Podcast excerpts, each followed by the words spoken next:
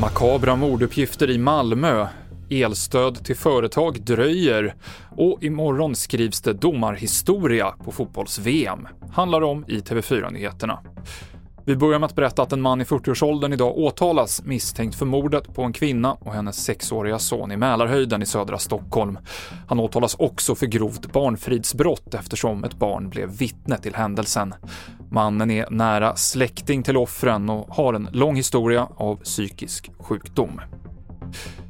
En 53-årig man har anhållits misstänkt för mord och brott mot griftefriden efter att han själv kom in till polisen och berättade om ett brott. Polisen säger till Sydsvenskan att man sen hittade kvarlevor i hans lägenhet och enligt uppgifter till tidningen så har mannen haft kroppsdelar i frysen. Offret har ännu inte blivit identifierat. I morse så kom det besked om elprisstödet. För hushållen så kommer utbetalningarna börja ske i februari Företagen får vänta längre på sitt stöd och något datum har inte blivit satt.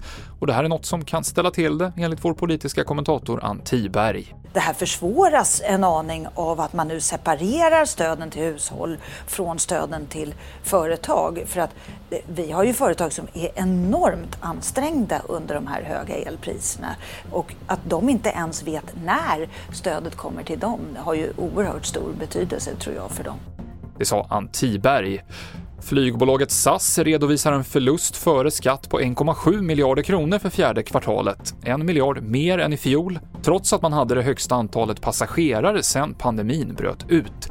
Totalt har SAS gått back 8 miljarder svenska kronor under 2022 enligt norska VG. Och till sist kan vi berätta att det kommer skrivas domarhistoria på fotbolls-VM imorgon när en kvinna för första gången dömer herrar i ett mästerskap. Stephanie Frappart har bland annat dömt den senaste finalen i dam-VM och blir alltså historisk imorgon när Tyskland möter Costa Rica. Det avslutar TV4-nyheterna med Mikael Klintevall i studion.